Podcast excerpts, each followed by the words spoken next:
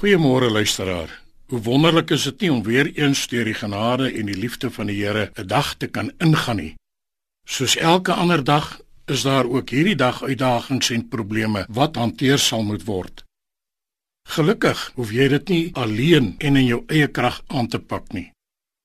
As jy in jou stilte tyd met die Here deurgebring het, is hy reeds by jou om jou deur te dra. Dit laat my dink aan die verhaal van Dawid in die Bybel.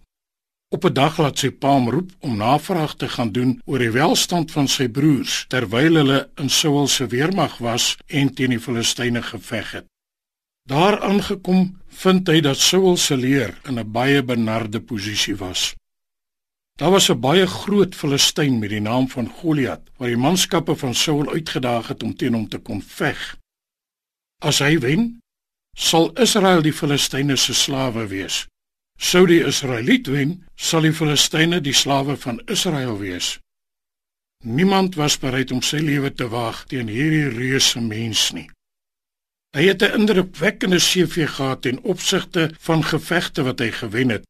En nog meer, het hy 'n gevegsmondering gehad wat enige iemand skrik op die lyf sou jaag. Dawid sê toe vir Saul dat hy die man sal aanvat. Saul redeneer dat Dawid maar nog 'n seun van ongeveer 17 jaar oud is, dat hy nie teen 'n gesoute soldaat kon veg nie. Dawid het geen gevegsondervinding gehad nie. Hy was nog nooit in 'n oorlog betrokke nie. Hy het nie eens 'n gevegsmondering of enige wapen gehad nie.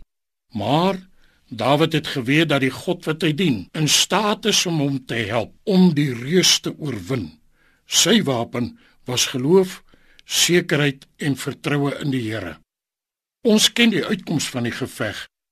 Dawid het Goliat in die naam van die Here, die God van Israel, aangeval en oorwin. Sy oorwinning was omdat hy die krag en die vermoë van God geken het.